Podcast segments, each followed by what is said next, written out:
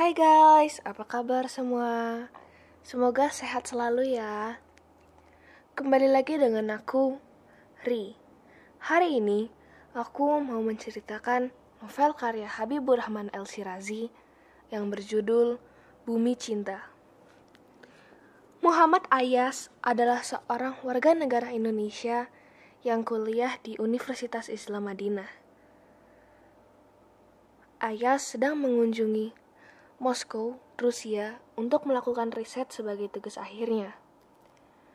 Namun sepertinya ujian bagi Ayas tidaklah mudah.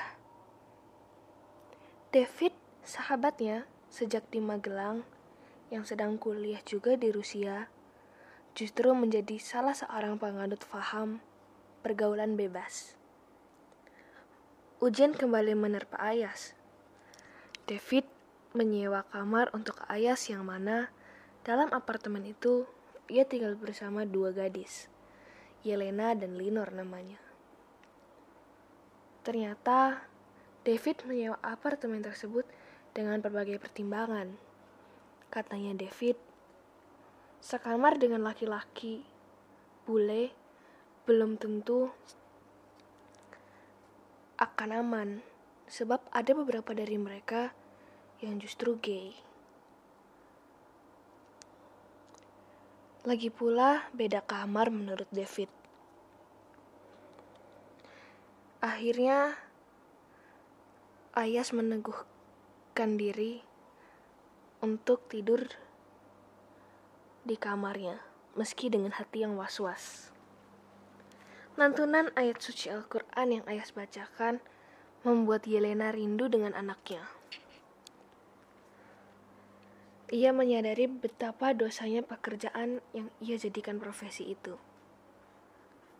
Yelena memang ramah, lain halnya dengan Linor.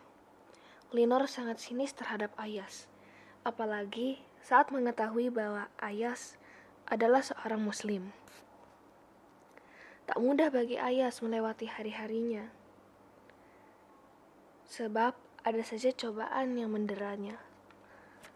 Linor dan Yelena selalu menggoda Ayas. Tak hanya mereka, ada Anastasia juga. Anastasia adalah dosen pengganti Profesor Tomsky yang seharusnya menjadi dosen pembimbing Ayas selama di Rusia. Suatu malam, Ayas melihat Linor dan kekasihnya berbuat sesuatu yang dilarang agama. Tak hanya itu, Ayas murka karena Islam dihina oleh kekasihnya Linor. Akhirnya terjadilah pertengkaran di rumah mereka.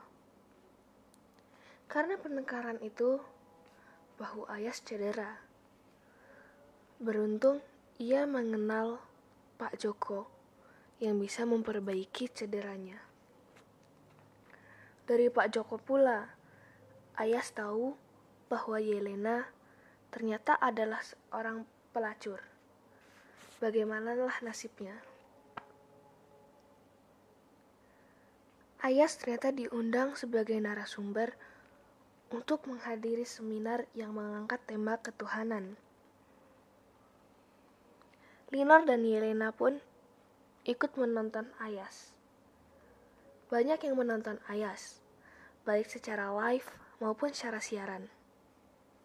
Ternyata para penonton itu begitu berguna saat tempat Linor mengabdi sebagai agen intelijen Israel memfitnah Ayas meledakan bom di salah satu hotel. Hari-hari berganti.